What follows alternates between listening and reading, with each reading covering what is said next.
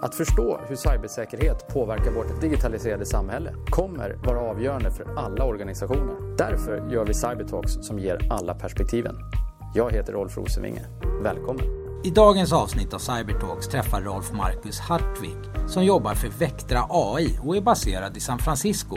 De pratar bland annat om en nyligen framtagen rapport kring Office 365 som belyser både risker och ger värdefulla tips på hur man skyddar sin miljö.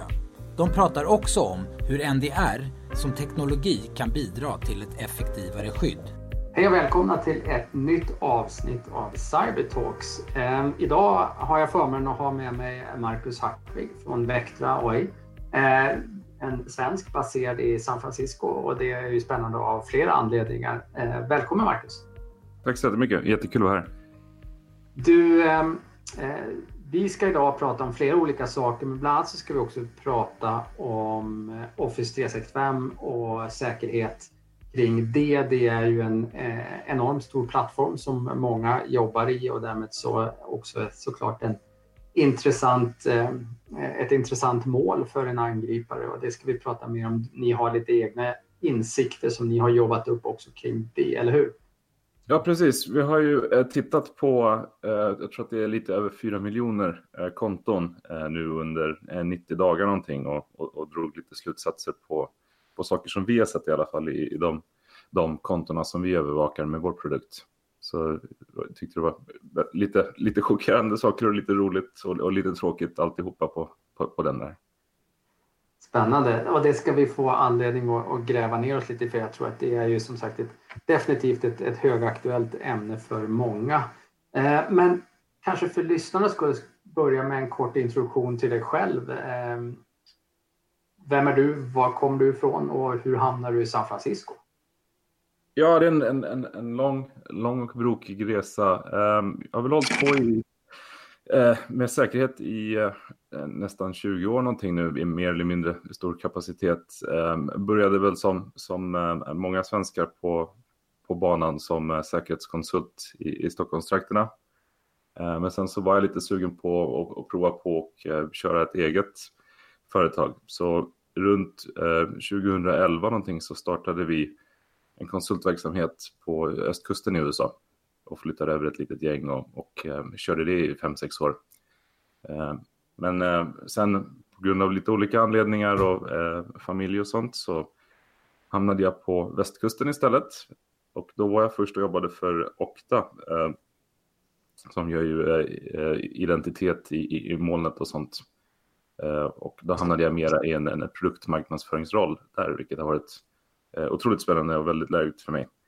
Eh, och för Eh, ungefär ett år sedan så, så bytte jag från Okta och eh, jobbade för ett, ett rent säkerhetsföretag. Jag ville komma tillbaka till, till den, den, den, den riktiga, eh, eh the real grit eller vad de brukar säga. Och, så har jag jobbat för, för Vectra istället som är en, en NDR-plattform.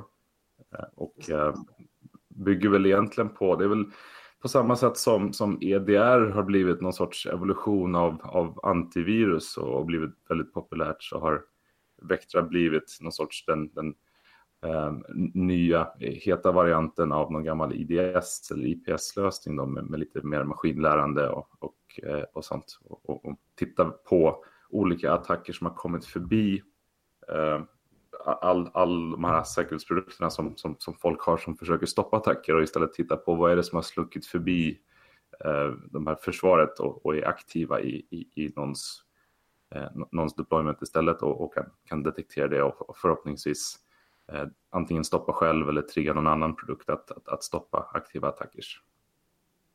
Precis. Nej, men, det där eh, ska vi säkert eh, hinna prata lite mer om. Jag tror att eh, de lyssnare som har lyssnat på tidigare avsnitt eh, känner även till eh, min preferens att, kring att prata just kring det där. Liksom att hitta faktiskt ett, ett, ett djupt försvar men man har Protect. Om man tänker de traditionella förmågan enligt NIST-ramverket så har man jobbat mycket med Protect men man behöver Detect och respons. Och som du är inne på så finns det ett antal rätt spännande eh, teknologier som helt enkelt har börjat mogna och, och och precis som du är inne på, spännande att se vad hela NDR-utvecklingen har gett oss för möjligheter. Det tror jag vi har möjlighet att komma tillbaka till. Men jag är fortfarande kvar lite i, så ehm, när jag ändå har det på tråden så känner jag måste jag också passa på. Så hur är det att jobba i, i, i Silicon Valley, Bay Area och, och så här, vad, är de, vad är de största skillnaderna att jobba cyber i Sverige versus östkusten i USA versus västkusten i USA? Kan man göra en sån jämförelse? Ja, de är nästan, de är nästan alla tre är nästan lika, lika vitt spridda från, från, från varandra tycker jag. Ehm, Det har varit otroligt lärorikt och, och, och väldigt, väldigt givande för mig, ehm, måste jag säga. Alltså bara, bara amerikansk östkust och västkust kultur och hur folk är och arbetssätt och sånt är, är, som sagt nästan lika stor skillnad som, som bara eh, i alla fall östkusten och USA var för mig i, i, i lärdom. Um, här i just, just uh, Silicon Valley och, och, San Francisco Bay Area så är det ju otroligt teknikfokuserat. Um, man brukar skämta här att man frågar liksom inte vad jobbar du med, man frågar vilket teknikbolag jobbar du på. Mm. Så det har ju blivit en, en väldig liksom samling av folk som, som håller på med, med, med teknik och, och, och, och, lever och andas det väldigt mycket. Eh, och ibland så kan det ju bli lite lite det de kallar för inside baseball, att, att, att alla håller på och, och, och, och pratar om, om, om, väldigt djupgående eh, nischade saker istället för att ha en, en, en lite mer eh, kan man säga, öppen eller, eller dynamisk diskussion om, om, om allting. Men, men det betyder ju också att, att det snabbt kommer till eh, intressanta diskussioner. Man träffar någon på, på, på någon fest eller eh, man bara, jag har ju barn själv så när man pratar med andra föräldrar så är det ju väldigt lätt att direkt hitta någon som har exakt samma intresse och, och prata om lika relevanta saker väldigt snabbt. Um, det kan jag tänka mig. Ja, förlåt, fortsätt. Nej, jag tänkte säga det att om man jämför med, med, Sverige så Sverige har ju i alla fall i, i mina ögon är ju otroligt eh, duktiga på, på teknik och, och framförallt säkerhet eh, också. Så att det är ju det är liksom som att man hade hela tiden gått på någon sorts liten meetup eller någonting sånt med likasinnande. Eh, och, och det blir lika bra diskussioner som, som det var i, i Sverige, fast kanske i lite mindre grupper. eller Någonting sånt ska jag säga. Just det. Nej, men, och, eh, det är ju spännande och jag, menar, jag har, har också varit där borta någon gång och så att säga insupit atmosfären i olika sammanhang och det är ju väldigt eh, spännande eh, liksom, för det finns så många cyber practitioners som håller på med väldigt många spännande saker. Men jag håller med dig att just, just det där att kunna också föra en dialog där man både kan zooma in väldigt i, långt in i, liksom, eh, i, i algoritmers uppbyggnad till att sen faktiskt också kunna zooma ut och sätta det i en affärskontext implementerat och klart hos en kund. Att vad, vad gör det för skillnad och sådär. Men, men just att ha den accessen till bandbredd kring talanger och så vidare, det, att eh, kunna diskutera på alla de där nivåerna, det är ju spännande. Jag antar att det är din erfarenhet också. Ja, absolut. Och det var roligt att du sa det, för att det är just den största skillnaden eh, därmed med att sätta det till en affärsverksamhet, i alla fall i, i mina ögon, som, som USAs, i alla fall starta upp värld, världen mellan eh, östkust och västkust i, i, USA. Att på på västkusten får det gärna vara lite så här, vi, vi provar och ser vad som händer och, och, kan det här vara värdefullt eller inte och sånt. Medan på, på östkusten när vi var aktiva eh, där så var det väldigt affärsfokuserat redan från första början. Den här mm. grejen löser det här problemet och kommer tjäna pengar på det här sättet. Liksom. Just det. Men du, ditt eget intresse för cyber blir jag ju också lite grann nyfiken på. Hur, var startade det och, och, och så att säga, var kom passionen ifrån? Det var väl som, som, som många svenskar att, att man tyckte det var lite spännande med datorer när man var liten och sen så började väl lite grann ifrån från, eh, eh, den här gamla demoscenen och, och, och den, eh, den världen med lite piratkopiering och hur man gick runt eh, vissa kontroller och, och sådana saker som sen spred sig på, på när, när man började koppla upp sig mot, mot ett tidigt internet, att man kunde göra roliga saker där också oftast kanske i alla fall försöka hålla sig på den lagliga sidan av, av utforskningen där. Så.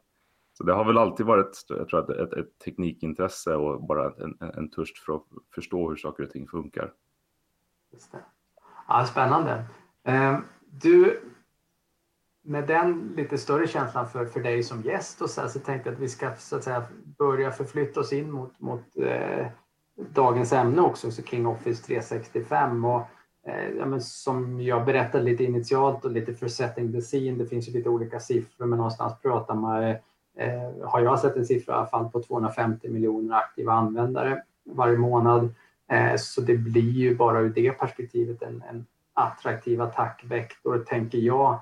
Eh, men eh, ni har gjort en liten överflygning här och hittat ett antal saker. Kan du börja med kanske lite executive summary-mässigt berätta lite grann vad är det ni har gjort och vad är det ni har tittat på specifikt i, kring Office 365? Ja, som du säger, Office 365 är väl eh, i alla fall den absolut största SaaS-applikationen som finns nu och den, den växer ju en, en enormt kraftigt. Och även om den, den växte aggressivt innan Eh, vi fick, fick det här året på, på, på händerna eh, så hade den kanske, kanske nått samma siffror men kanske inte lika så snabbt. Men, men det har ju i alla fall vuxit e-, e-, enormt, enormt mycket på, på väldigt kort tid eh, och, och, blivit liksom en, en, naturlig del i hur, hur folk, eh, folk jobbar. Eh, så vår produkt är ganska ny i, i eh, övervakningen på, på specifikt Office 365. Ehm, så vi lanserade en, en produkt här för, för eh, några månader sedan eh, och rullade ut den i beta. Och den har ju eh, i alla fall för oss eh, överträffat försäljningsförväntningarna och, och, sånt på kunder som har varit intresserade av den. Så vi har övervakat eh, lite över 4 eh, miljoner konton eh, på 90 dagar på en, ett, ett gäng olika kunder. Och så har vi tagit anonym statistik och tittat på de olika typer av av eh, attacker eller risky behaviors som, som vi kallar det, eh, som, som vår produkt övervakar i, det här eh, området. Och, och, och sammanställt då en, en liten rapport på, på vad det är vi, vi har sett med, med vår produkt. Och den, den, absolut största grejen som, som vi, vi, vi kom iväg där är ju att vi ser otroligt mycket av det vi kallar för lateral movement i, i Office 365. Vi mm. trodde väl att det skulle vara lite, lite av det, men, men inte så mycket som vi såg. Och med det är det, är det fair to say då att, att jag menar, det har blivit den kanske primära eh, så att säga, entry pointen och att det är därför man ser så mycket lateral rörelse eh, vidare ut i miljön sen. Jag tror det. Det är lite olika saker som har kommit, eh, kommit ihop och, och byggt den här bilden. Den, den, första är ju förstås att folk inte är på kontoret längre. Eh, och, och, då blir det ju mer att, attraktivt att, att ta som, från attackerare och, och, gå till det som folk använder eh, istället för deras datorer. Det var ju någonting man såg i, eh, i, i Verizon Data Breach Industry Report för det här året också, att de typer av attackerna som de kallar för malware attacks eh, har gått ner signifikant. Um, mm.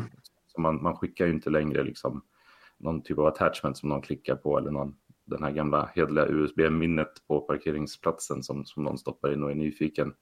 Eh, och det är ju för att om man tar över en, en dator så är den inte längre på något roligt ställe i kontoret utan den är ju hemma hos någon eh, och, och då är det svårare att, att, att ta sig ifrån den på, på, på, ett bra sätt. Eh, så det som har hänt istället är ju att, att de som, som, som attackerar saker och ting tittar på konton och identiteter istället. Och det började väl med alla de här eh, lösenordsläckorna och sånt. Man, man, gjorde den typen av attacker, men de har blivit lite smartare och, och lite bättre. Och det är inte alltid att man, man faktiskt börjar med ett användarnamn och lösenord när man kör en attack, utan det finns andra sätt att, att ta över ex, eh, konton som redan är autentiserade utan att ha eh, själva lösenordet på det. Eh, men, men det som har hänt då och, och som är intressant är att Office 365 dessutom innehåller otroligt mycket värdefull data för en, för en organisation. Eh, särskilt om man tittar på hela Office eh, 365 eh, ekosystemet. Så det är inte bara e-mailen utan det är oftast eh, SharePointen, kanske många företag har flyttat till Teams för, för diskussioner och, och lite fildelning fildelningen där och, och, eh, eh och, och, eh, OneDrive där de, där de sparar väldigt mycket data eh, och presentationer och sådana saker. Så det är hela ekosystemet. Så det är eh, väldigt mycket värdefull data, eh, väldigt, väldigt utbrett. Det, det är säkert att, att, att uh, ha någon, någon, typ av attack mot OT365 eftersom det är så många som använder det. Och sen så de här nya typerna av attackerna på det har, har liksom kommit, kommit ihop alltihopa och blivit ett väldigt intressant mål för, för attackerare. Precis. Och med den insikten då så, så blir man ju lite grann också att okej, okay, men eh, då är det väl tämligen kritiskt att vi skyddar vår eh, Office 365-miljö. Och utifrån det som ni tittar på dagen, vad, vad är era pro-tips? Så att säga? Vad, vad är det man behöver lägga krutet eh, för att helt enkelt stärka upp skyddet för nu när vi har konstaterat att ett, den är, den är så frekvent använd, eh, Office 365, och den är därmed också ett, ett attraktivt mål för, för så många angripare.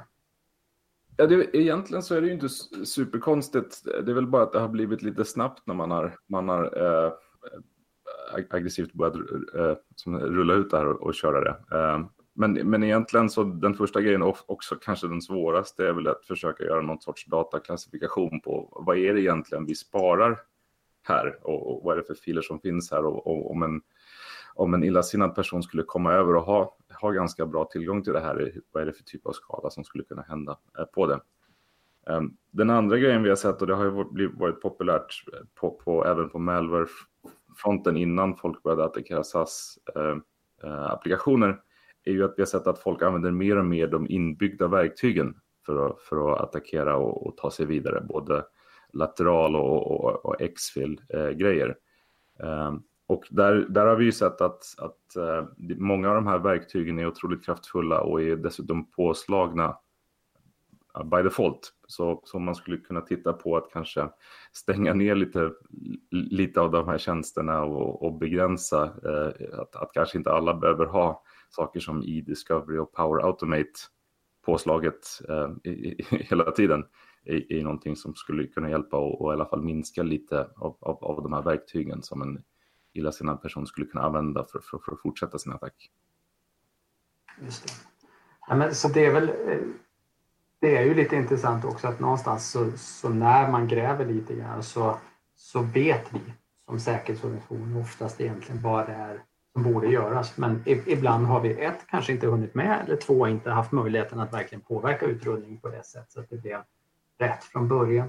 Ehm, den här frågan kring dataklassering är ju ständigt och alltid återkommande.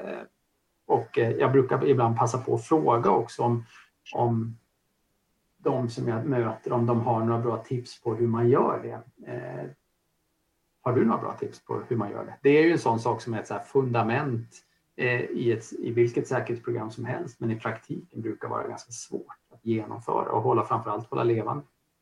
Absolut, Näst, nästan till omöjligt. Så jag önskar att jag hade, hade något bra tips. Det är väl den här klassiken There are no, no, no silver, silver bullets. Uh, och, och, precis som du säger uh, är det att, att, när det går undan och man har bråttom, det är då det brukar slarvas och det är då det brukar tummas på de här grejerna. Uh, och, och, det är det som, som en attackerare tycker är så trevligt, att man snabbt kan gå in och, och göra det. många av de attackerna vi har sett, särskilt när de börjar prata om konton och account-based attacker eh, letar ju specifikt efter saker som API-nycklar eller eh, servicekonton eller sånt som ligger i slarvet i någon, någon, någon fil någonstans och, och, kan fortsätta sin attack med det. Så, så det är ju otroligt, otroligt viktigt. Eh, och, men, men, men dock, som du säger, otroligt svårt i, i praktiken att försöka sköta det där snyggt och, och, och få det att funka. Ja, nej, det, det, är nog min bild också. Jag tänkte att jag, jag kunde inte låta bli att fråga om du hade silverbulleten för det hade ju varit dumt om du hade den och jag hade inte frågat helt enkelt. Så att, nej, men jag, jag delar, skämt åsido, jag, jag delar ju bilden att det, det, är ju det är ju ingen tvekan om att man behöver göra det egentligen, men frågan är hur man gör det i praktiken så att det, så att det adderar värde och det, det är svårt, det är min bild också. Men du, eh, vi har varit inne grann, lite grann på att det finns ett antal saker rent eh, konfigurerings och utrullningsmässigt som man behöver ta höjd för. Eh, var det andra saker ni såg i den här rapporten kring antingen attacker behavior eller hur organisationerna faktiskt hade satt upp sina installationer som var så där tematiskt viktiga att lyfta fram? Det var väl, var väl mest det att vi hade ju trott att det skulle vara lite av de här grejerna eh, i, som vi skulle hitta, men, men kanske inte så mycket som, som vi såg, eh, de procenten. Så, så det betyder ju att det är väldigt utbrett att, att attackerare använder det här i, just nu. Eh, och, och, både specifikt då den här lateral movement som är, är tidigt i det här MITER eh, frameworket, eh, men även hela vägen ner till, till lite exfil. Eh, och, och att de just använder alla de här inbyggda verktygen var väl det, det som vi inte hade eh, vi var lite förvånade att se, men, eller vi, vi, visste att vi skulle se det, men kanske inte så mycket som, som, som vi såg det. Eh, så det var, det, var, det var en intressant, intressant grej och det pekar ju på att, att eh, folk är inte, inte, inte sena och, och, och använda dina sårbarheter så fort, så fort de finns där. Så är det ju. Så är det ju. Eh, och, och, det är ju också lite grann i det sammanhanget som jag också tyckte var intressant att få prata med dig eh, som ju också representerar kanske en teknologi eh, som ju, som du var inne på också, eh, är en, är, en tydlig vidareutveckling eh, till en betydligt mer avancerad nivå än, än, än den gamla inom citationstecken IDS. Men NDR som, som teknologi. Eh, hur ser du passar det in i det här skyddet eh, och, och vad är det som, som till exempel en, ett NDR-verktyg gör och tillför eh, i skyddet av till exempel Office 365 och, och bredare såklart också.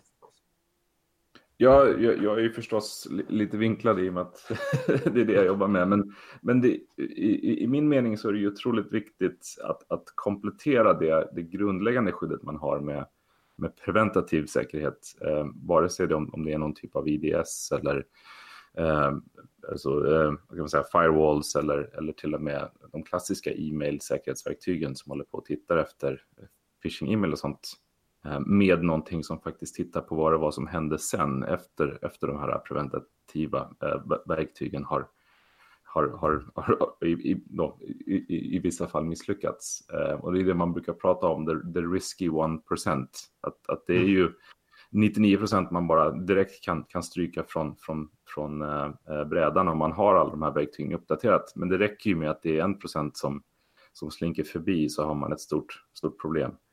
Um, och det är ju också, också så på något, på något roligt eller tråkigt sätt att, att attackerarna har ju oändligt med chanser att lyckas komma in och de får ju hela tiden feedback på om de lyckas eller inte. Om de kommer ett steg längre så ser de det och sen så blir de utsparkade eller blir stoppade.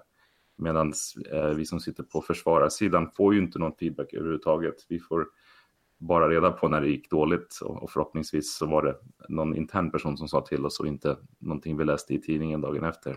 Så det är ju en, en liten ojämn kamp och, och ha verktyg då som, som kan titta på vad det är som händer i i det man har eh, efter den, den säga, preventative securityn är ju otroligt värdefullt för, för en, en, organisation som man kan hålla koll på, på det.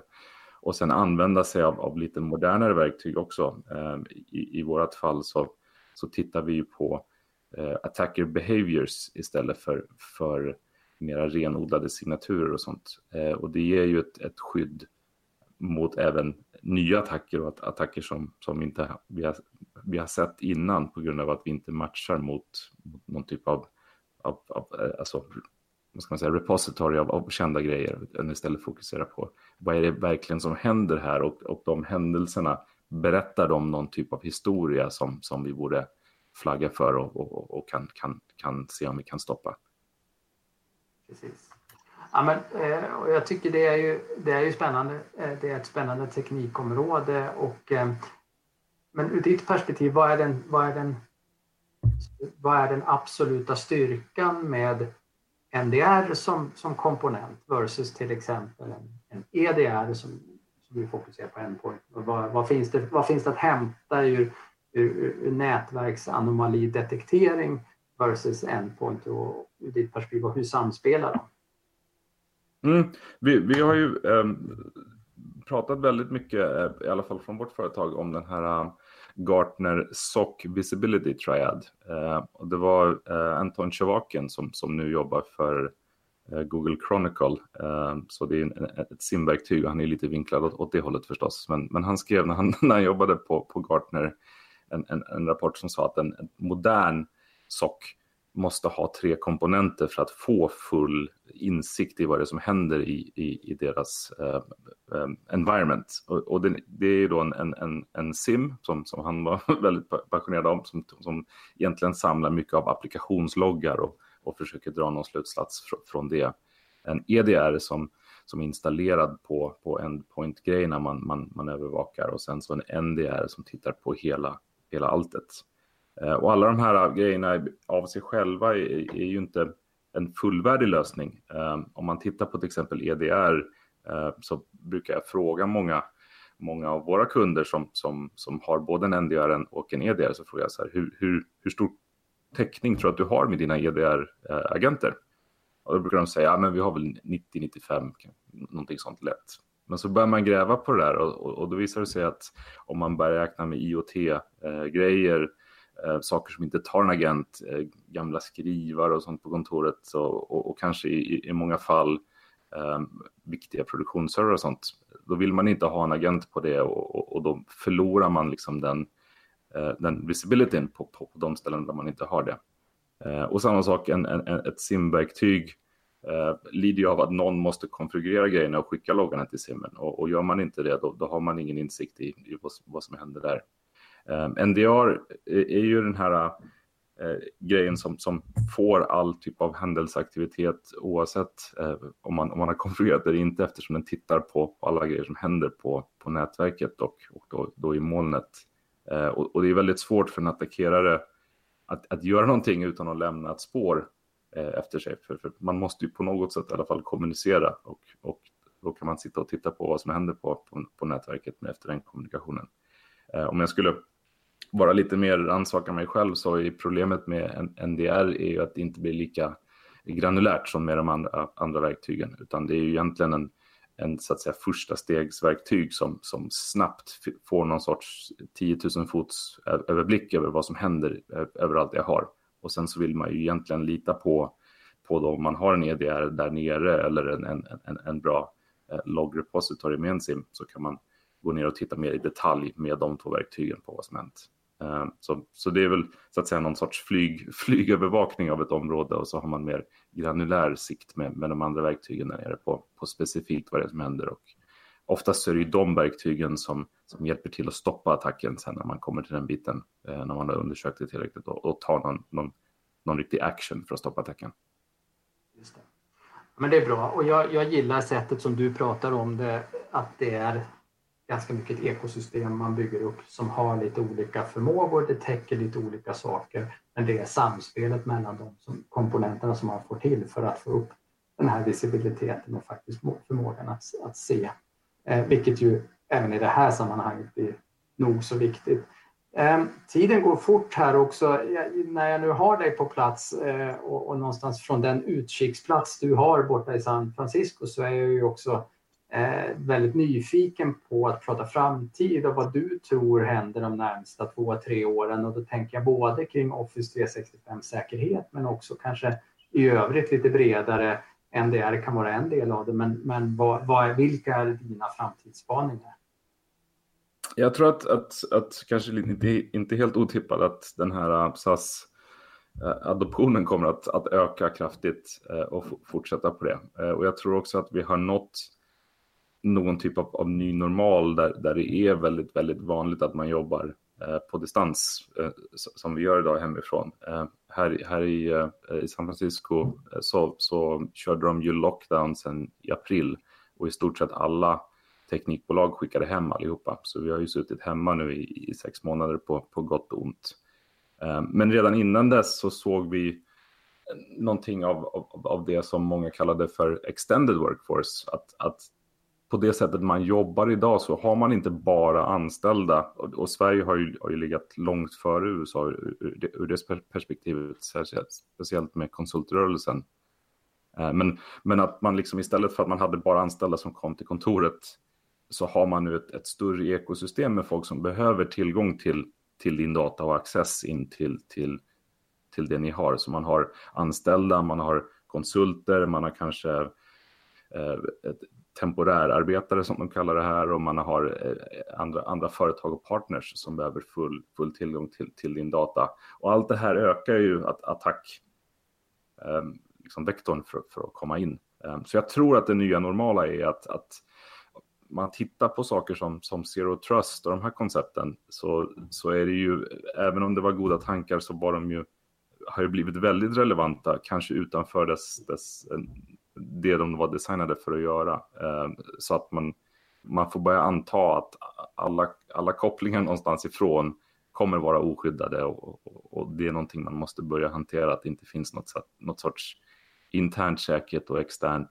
eh, osäkert, utan alltid, alltihopa är, är osäkert. Eh, den andra saken som jag tror kommer hända, eller som redan har hänt i stor skala också, är ju att, att den mängden data som, som genereras av alla de här systemen Ehm, både den datan vi själva genererar och stoppar där, eh, men, men även det som automatgenereras växer ju exponentiellt.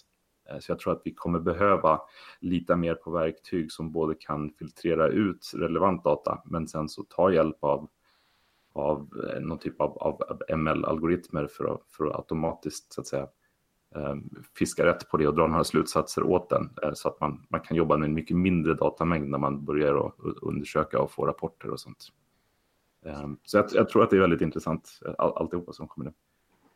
Men det är bra och det är en spännande eh, beskrivning som du ger och den rimmar ganska väl också med vad vi diskuterade i förra avsnittet. Där pratade vi en hel del om automation och orkestrering och kanske just, och där var tyngdpunkten kanske framförallt också på automationen, att givet den exponentiella datatillväxten så, så behöver vi också börja jobba på ett annat sätt eh, för att helt enkelt mäkta med.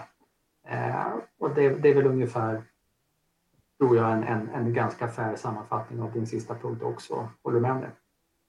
Absolut, och just automation är intressant i, i, i säkerhetsperspektiv. Det har ju, många företag har ju börjat titta på SOAR-lösningar för att lösa just den biten. Och det är ganska fascinerande att många eh, eh organisationer väljer att, att, att eh, implementera en SOAR-lösning först för att de vill bygga den runt de mänskliga processerna och och de grejerna. Och sen så tar man in säkerhetsdata i sin, sin SOR och kan bygga ut på, på, på tekniken på det. Så jag tror att automationen kommer alltid vara hand i hand med mänskliga processer och ha, ha, ha, personer som, som hjälper till och gör det. Men man behöver lite hjälp på traven för att det börjar bli så otroligt mycket att gå igenom nu. Yes. Ja, spännande och jag antar att eh, vi delar bilden att även Office 365-användandet eh, kommer att fortsätta att öka och därmed då även Eh, kommer vi att fortsätta att lägga mer och mer eh, känslig data i våra Office 365-installationer. Och därmed så kvarstår även problemet, eller utmaningen, att faktiskt skydda detta. Helt klart, och jag tror att utvecklingen från Microsoft kommer vara att det kommer vara ännu mera eh, väldigt kraftfulla verktyg som kan användas för gott eller ont, som kommer att finnas tillgängliga för, för attackerare och, och använda på ett smart sätt för, för att gå runt säkerhetskontroller också. Så så det, vi kommer att ha, ha att göra framöver, alla vi som är intresserade av säkerhet. Hårt arbete återstår helt enkelt. Eh, det tycker jag låter som en bra sammanfattning eh, och en ganska realistisk eh, utblick på vad vi har framför oss. Samtidigt så är det ju också därför vi går till jobbet. Det är ju spännande att hugga tag i de här utmaningarna, tänker jag i alla fall. Du, vi brukar också avsluta med en sista fråga till gästen och det brukar ju vara att tips om en bok, en film eller en podd eller någonting som man antingen tycker har inspirerat eller informerat eh, en. Och eh, jag är såklart nyfiken på vad, också vad du har med dig från eh, där du sitter. Ja, en, en av, jag kan faktiskt nämna en, en blogg, det är väl lite allt i allo, men det är en, en, en blogg som heter The Roots of Progress som har varit otroligt fascinerande för mig. Och det är en, en gammal teknikgubbe härifrån från Silicon Valley som har börjat eh, skriva om historien eh, efter upptäckter av viktiga saker i industrirevolutionen och framför allt hur det gick ifrån eh, forskningsresultat till någonting praktiskt. Så till exempel olika vaccinen efter att någon hittade det i ett labb, hur fick man själva development-biten att funka och hur kunde man skeppa det till alla ställen man behövde trots att det var varmt eller hur kunde man göra det stabilt och sånt. Så en väldigt djupgående och intressant så att säga beskrivning över, över alla eh, steg och mishaps i själva development-biten på otroligt viktiga upptäckter. Så den, den rekommenderar jag varmt att kika in på. Spännande och eh, det tackar vi för. Det brukar vara eh, intressanta tips vi får. Även det här jag tycker att det är lite roligt också när man egentligen kan översätta vissa saker till våra sammanhang också. Många brukar prata om att execution beats strategy for breakfast och så vidare. Eh, och, och det ligger väl lite i det, i, i, i vad du beskriver här också. Ja, verkligen. Ja, men hörru du, då, det är ju fortfarande morgon hos dig och eftermiddag hos oss här när vi spelar in och eh, jag antar att du har en spännande dag framför dig. Hur är vädret förresten i San Francisco så här års? Eh, hösten brukar ju vara bara den riktiga sommaren här, så det, det är varmt och skönt. Och vi har precis sluppit eh, all den här röken. Det brann ju här eh, kraftigt för, för några veckor sedan och, och då blev det ju väldigt mycket brandrök som man fick sitta inne med stängda, stängda eh, fönster, vilket kändes lite retsamt när det var fint väder men, men dålig luft. Men nu har det äntligen kommit ihop alltihopa, så det är bra väder och, och frisk luft. Så det låter härligt och vi är inte alls avundsjuka här borta ifrån Sverige. Eh, när hösten verkligen har slagit till. Hörru du Marcus, eh, supertrevligt att ha det här. Eh, jättemånga bra insikter och eh, Marcus Hartvig från Vectra AI, eh, tack för att du ville vara med. Tack så mycket för att jag fick komma. Och till alla lyssnare, until next time. Podden är ett samarbete mellan Cyber Insights och Orange Cyber Defense och spelas in och klipps på Media.